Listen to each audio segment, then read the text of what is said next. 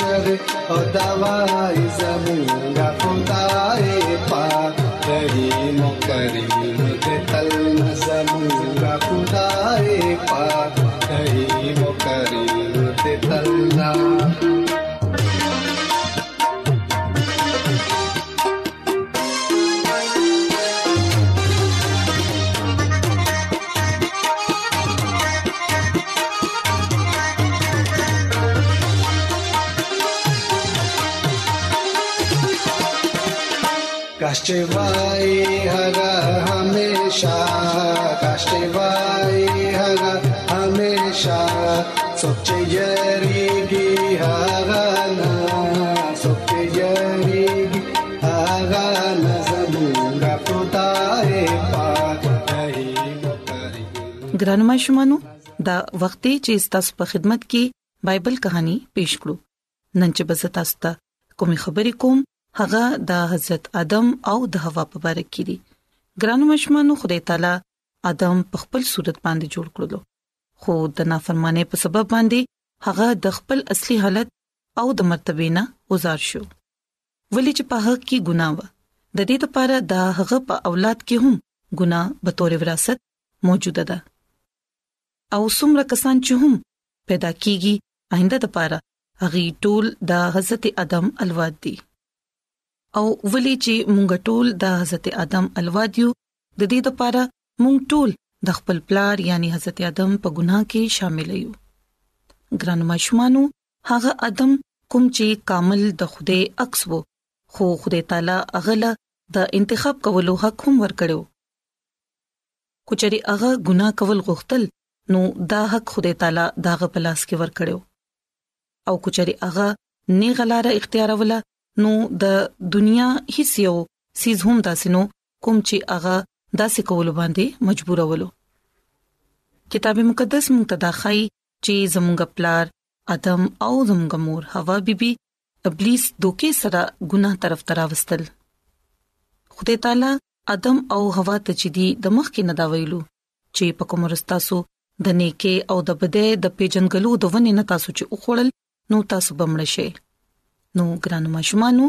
ابلیس کوم چې ډیر زیات مکاره او چالاک دی هغه دا پویدو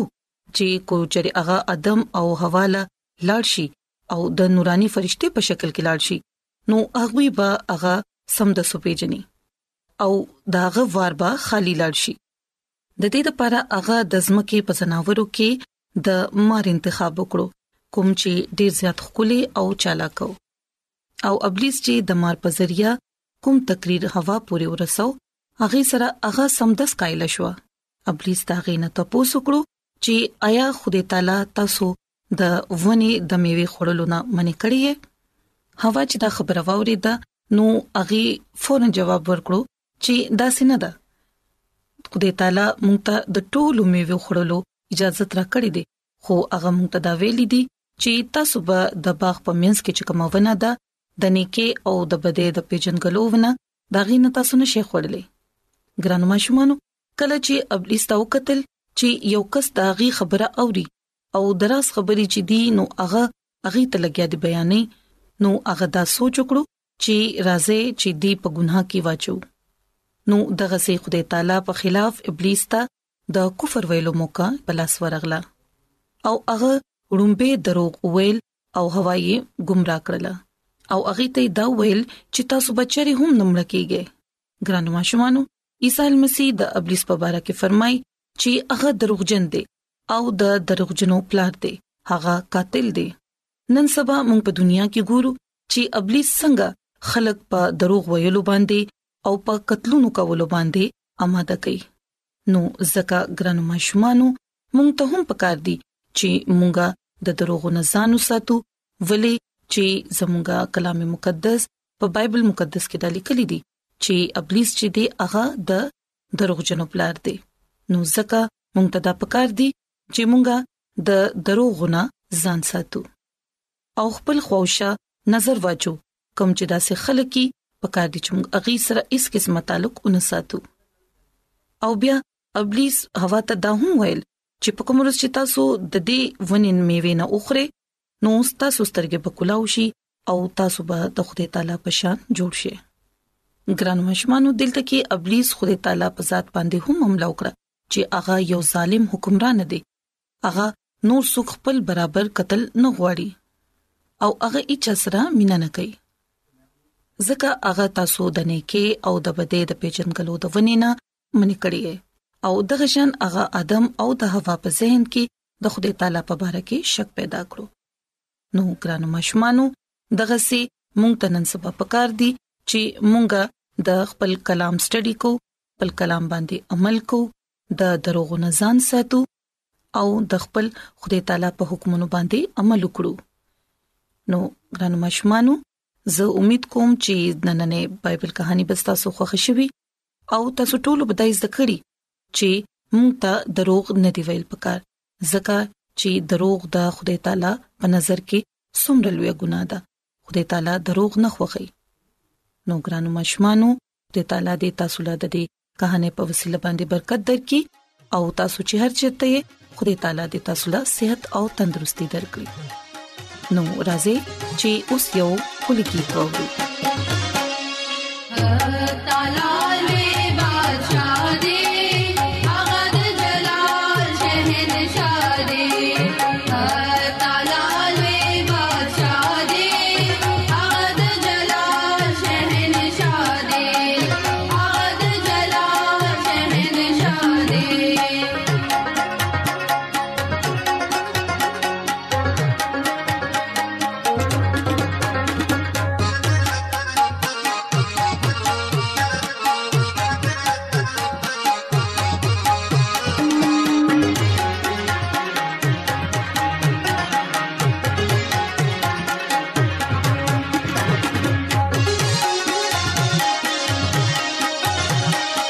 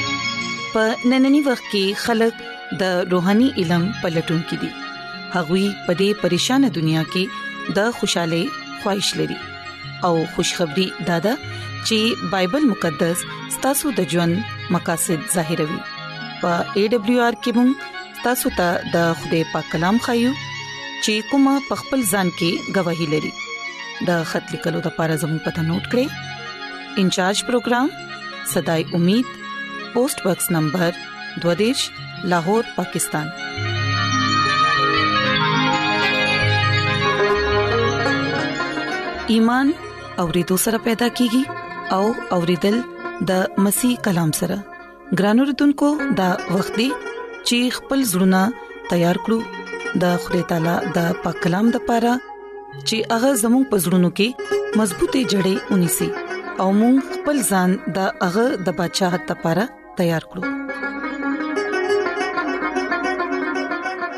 عیسی مسیح په نامه باندې تاسو ته سلام پېښ کوم زه د مسیح خادم جاوید مسیح کلام سره تاسو په خدمت کې حاضر یم او د خدای تعالی ز شکر ادا کوم چې نن یو ځل بیا تاسو تربینځ خدای کلام سره زه حاضر یم ګران اوردونکو خپل ایمان مضبوطه او ترقه لپاره د خدای کلام په اورو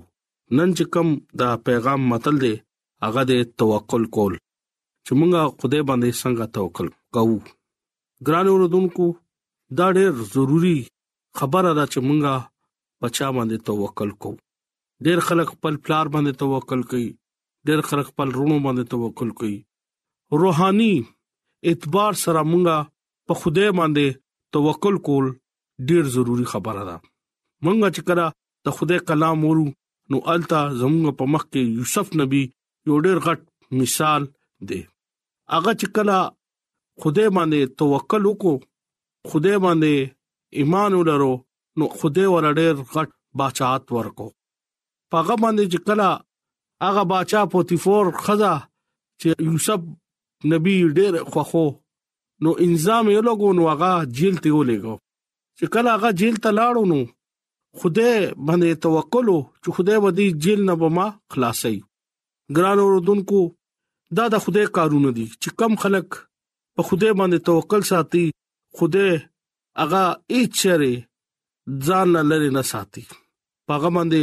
خدای ډېر لوی رحمتي او خدای هغه سره ډېر زیات مینا کوي ولی چې هغه په خدای باندې توکل ساتي ګران اوردونکو کم زه یو غریب کم زه یو مسافر او نن د بنی اسرائیل هغه بچا جوړ شو دا د خدای باندې توکل ای خودو هغه ته انعام ملاو شو ګرانو دونکو په دې دنیا کې ډېر خلک په خدای باندې توکل نه کوي اغي انسانانو ته خدای وای اغي زیارتونو باندې پل توکل ساتي ګرانو دونکو دا غلط دی مونږ خدای پیدا کړیو زمونږ ټول ضرورتونه خدای پورا کوي ډیر خلک پیرانو باندې او جادوګرانو باندې توکل ساتي دا غلط کار دی توکل چې ساتل پکار دی هغه صرف او صرف لوی الله باندې هغه ذات باندې چې کم مونږه ته ارشي پیدا کړي هغه ذات باندې چې کم مونږه د پاره ار نعمت په دې ځمکه باندې وروړي او مونږه دې لاسونو سره کټ کو او په دې لاسونو سره مونږه خورو ګرانو رودونکو په خدای باندې چې کم خلک توکل کوي نو هغه ډېر زیات خوشحالي او چې کم په خدای توکل نه کوي نو هغه بیمار وي هغه پریشان وي هغه ډېر کمزور وي او چې کم خلک په خدای توکل کوي نو دانیل نبی پشان چې څنګه هغه د زمرو په کېد کې ګیرو او دنیا نبی په خدای باندې ایمان مو او توکل مو هغه ورته وی چې زبتا ازماوم هغه ورته بشکا زما خدای ارټه ما سره موجود ته او زما مدد لپاره به هغه د غار ته برازي هغه بچا دانیل نبی ازمرو غار ته وښتو نو خدای تعالی د ازمرو خله بند کړي دلته د دیني نبی په خوده باندې ډېر لوی توکل وو چې کم خلک په خوده تعالی باندې توکل ساتي دینه غټ غټ حادثات مسلو مسائل کې خوده باغا ساتي څنګه چې یوسف نبی او څنګه چې دانیل نبی دومره لوی حادثات ورته وشو نو خوده باندې توکل نو هغه بچام پریشان شو ګران رودونکو دا لوی خبره ده چې مونږه دا کله چې کلام سټډي کوو نو مونږه ته ډېر غټ غټ مثالونه ملاويږي هغه د دې لپاره چې مونږه په دې اپلای وکړو ځان پوي کو او خدای مونږه لپاره دا ژوندې کلام په دې ځمکه پرې خره چې مونږه دا وایو او دې نه عبرت والو او ځان تیار کو هغه آمد ته پاره چې کم ورځ باغ راضي او مونږه په خدای تعالی باندې توکل نه نو هغه به افسوس کوي چې انسانا تا د پاره خو ما ډېر شي او ډېر نعمتونه او دا دنیا دا چرنده دا ارس ما تا د پاره پیدا کړو تا زما باندې توکل ونکو زما رونو خدای باندې توکل کوي ګرانو رتونکو زه تاسو نه اپیل کوم چې صرف او صرف په خدای باندې توکل وساته یقینا دا پیغام بس تاسو ډیر زیات خوښ شوی دا پیغام نه تاسو نصیحت وکړي چې زمونږ ته پکار دي چې مونږ خدای باندې توکل وساتو چې کله مونږ خدای باندې توکل ساتو د خدای نه غواړو ایمان سره نو زمونږ کور کې نه بيماري وي نه سم مشکلات پي ولی چې سم کوي خدای کوي او خدای باندې چې کم خلک توکل ساتي خدای هغه چرم شرمنده کوي نه خدای دا غي عزت ساتي ولی خدای چې زمونږ دې اغا داسې خدای دې چې په مونږ باندې ساده راچی پردي اچي او زمونږ خدای د ټولو نالوي خدای دې اغا دې دنیا او کل جهان جوړ کړی دی ګران اوردونکو زه تاسو نه توقع کوم چې تاسو په خدای باندې مکمل توکل کوئ او تاسو نه دې طرف ته ځي او نه آ طرف ته هميشه خوده لار ته ګوره خوده باندې توکل ساته هغه دا وی چې کم خلک په ما باندې ایمان وروړي زبا پاغه باندې وسکم برکت پاچ ګرانو دنکو زه تاسو نه دا امید کوم چې تاسو دا پیغام ضرور به ځان باندې با اپلای کوي او خدای به تاسو ته برکت درکړي امين راځي چې دعا وغوړو اے زمونږ خدای مونږ ستاسو شکر گزار یو چې ستاسو د بندا په وجبان دي ستاسو په کلام غوړې دو مونږ لا توفيق راکړي چې موږ دا کلام په خپل زړونو کې وساتو او وفادار سره ستا حکمونه ومنو او خپل ځان ستا د بدشاهت لپاره تیار کړو زه د خپل ټولو ګران وردونکو لپاره دعا کوم چې چرپاغوي کې سګ بيمار وي پریشان وي یا په سمصيبت کې وي دا وي ټول مشکلات لری کړی د هر څه د عیسی المسی پنامه باندې وړم